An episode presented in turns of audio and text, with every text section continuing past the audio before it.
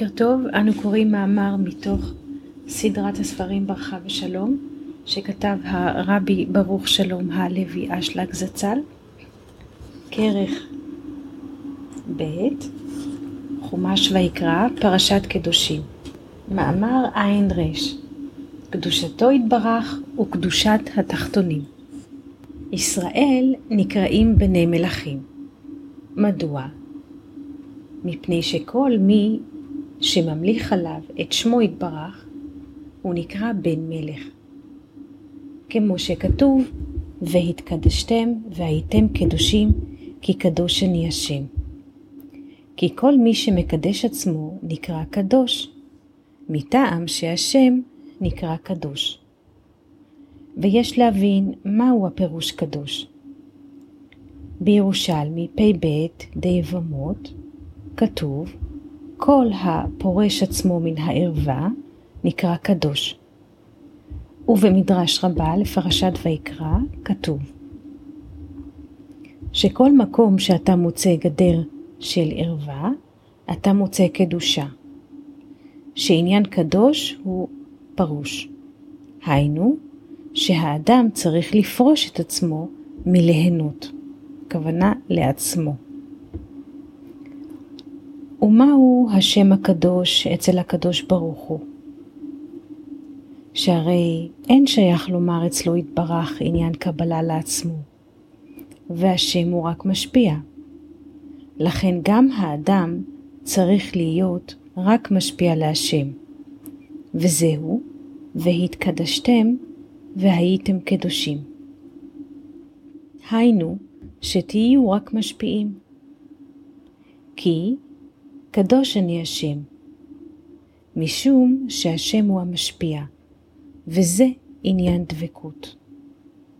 וקדוש הוא השפע הבא על בחינת טהרה. כותב הרב גוטליב בהערה שצ"ח נמצא אצל האדם קדושה משמעותה פרישה מן הרצון לקבל, ואצל הבורא קדושה משמעותה השפע האלוקי הבא לכלים הטהורים שהפרישו את עצמם מן הרצון לקבל. וזהו כל מקום שאתה מוצא גדר של ערווה, שעניין ערווה הוא מקום שאסור ליהנות בו לעצמו, שהרי רק במקום מצווה מותר ליהנות. כי זה לעומת זה עשה אלוקים. כנגד שכינה הקדושה יש אישה נוכריה הנקראת קליפה, שהשכינה הקדושה נקראת בחינת אמונה למעלה מהדעת, שהוא עניין להשפיע. ואם האדם עושה מעשים בכוונת להשפיע נחת רוח ליוצרו, נקרא שהוא מתייחד עם השכינה הקדושה. ואם הוא עושה מעשים על מנת ליהנות לעצמו, נמצא שמתייחד עם האישה הנוכריה, שכוונתה רק לקבל לעצמה, שעניין ייחוד קודשא בריחו ושכינתא הוא כמו שהקדוש ברוך הוא רק המשפיע, כמו כן השכינה הקדושה שהיא בחינת מלכות, שממנה נמשכים כל הרצונות למטה לתחתונים, בזה שהם מהפכים אותם הרצונות על מנת להשפיע, והם גורמים בזה בשורש כל הרצונות שיהיה רק להשפיע, וזה נקרא ייחוד. היינו, שמייחד שתי בחינות שיהיה לאחד. וזה עניין מה שכתוב, איש ואישה זכו שכינה ביניהם.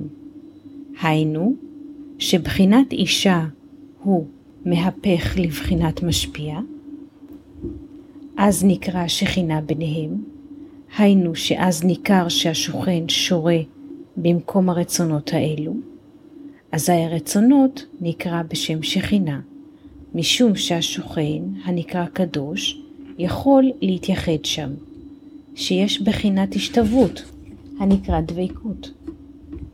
לכן, בכל מקום שהאדם פורש את עצמו מלהנות לעצמו, גורם בחינת ייחוד. אתה מוצא בו קדושה. היינו, משום שהאור העליון יכול לשרות שם. משום שהכלים מוכנים לקבל את אור השם הנקרא קדושה, שהקדושה שורה רק במקום טהרה. טהרה נקראת טהרת המידות, ואז הקדושה שורה במקום טהרה. אבל לפעמים אני השם השוכן איתם בתוך טומאתם.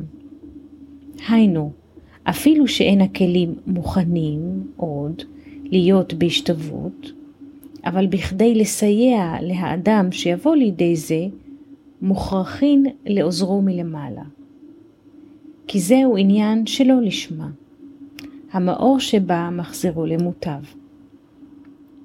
המאור הזה נקרא השם השוכן איתם בתוך טומאתם. וזה שייך דווקא אם האדם רוצה לבוא לשמה. אלא שאינו יכול לנצח את גופו.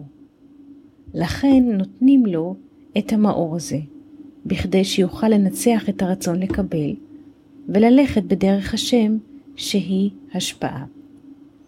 ובזה נבין את הפסוק, ועתה אם שמוע תשמעו בקולי, ושמרתם את בריתי, והייתם לי סגולה מכל העמים, ואתם תהיו לי ממלכת כהנים וגוי קדוש.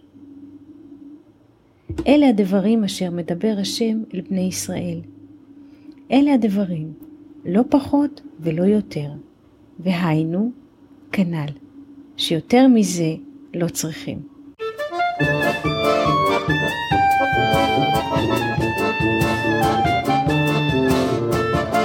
Música